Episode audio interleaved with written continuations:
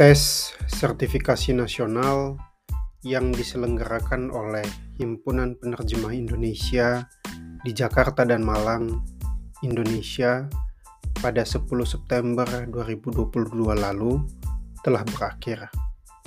Dan saya juga telah tiba kembali di Wina sejak kemarin. Hai, selamat datang di Adan O Podcast.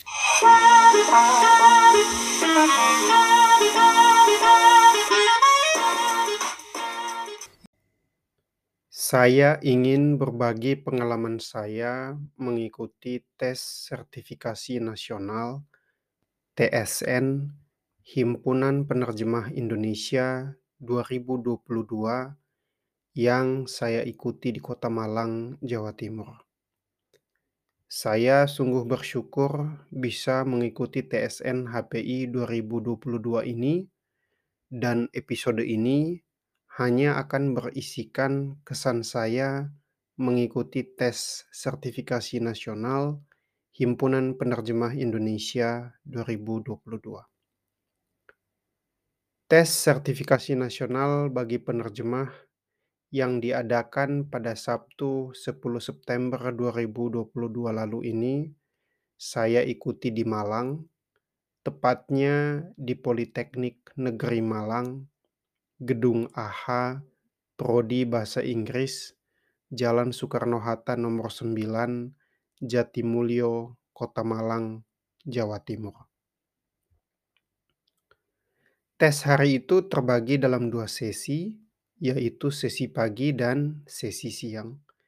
Saya kebetulan mendapatkan jadwal tes pada sesi pagi untuk pasangan bahasa, bahasa Jerman, bahasa Indonesia. Saya tiba di lokasi ujian tepat 15 menit sebelum pukul 9 pagi.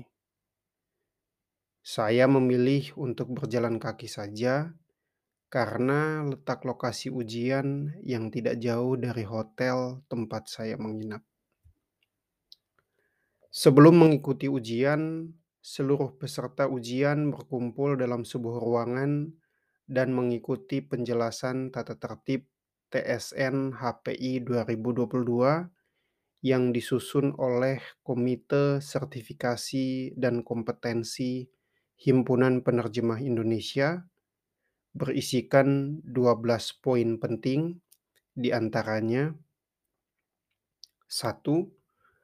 Peserta dilarang mencantumkan nama baik dalam lembar jawaban dalam Word maupun sebagai judul naskah dalam USB flash drive. Pelanggaran aturan ini akan menyebabkan peserta TSN HPI 2022 langsung didiskualifikasi. 2. Peserta hanya diperbolehkan untuk mencantumkan nomor ujian dalam lembar jawaban. 3 Waktu kerja adalah 180 menit untuk menerjemahkan termasuk mengerjakan soal kode etik. 4. Jawaban soal kode etik boleh ditulis dalam bahasa Indonesia atau bahasa Inggris. 5. Jawaban soal kode etik dan jawaban soal TSN harus disimpan dalam USB flash drive yang telah disediakan dengan judul jawaban. 6.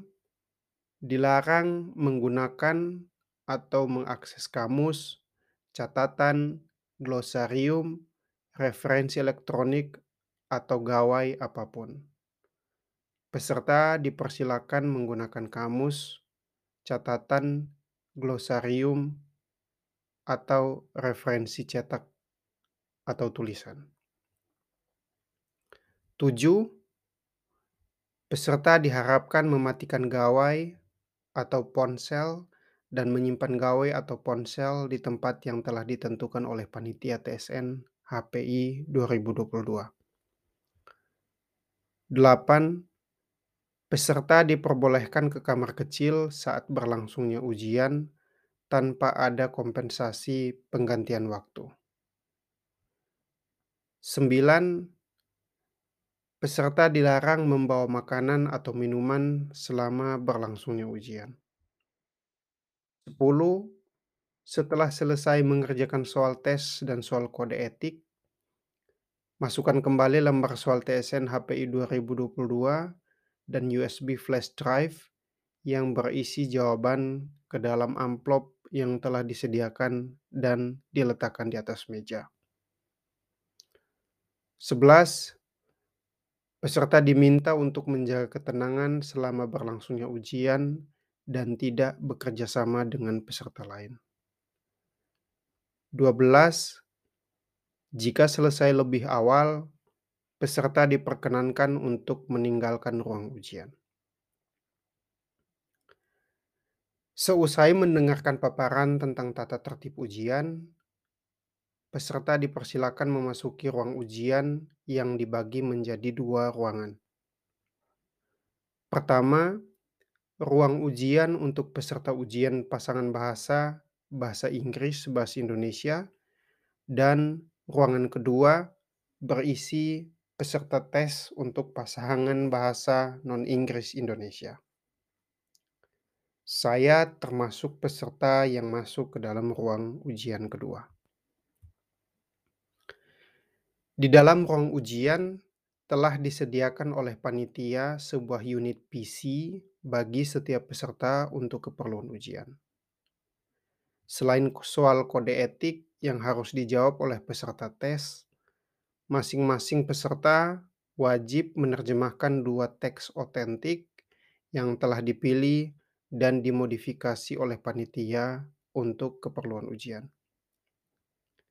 Teks pertama adalah teks wajib dan teks kedua adalah satu teks pilihan dari tiga buah teks yang harus dipilih untuk diterjemahkan oleh peserta ujian. Secara umum bisa saya katakan bahwa tes sertifikasi nasional Himpunan Penerjemah Indonesia 2022 sukses diselenggarakan. Dan saya berharap saya bisa menjadi peserta ujian yang lulus dalam TSN HPI 2022 ini.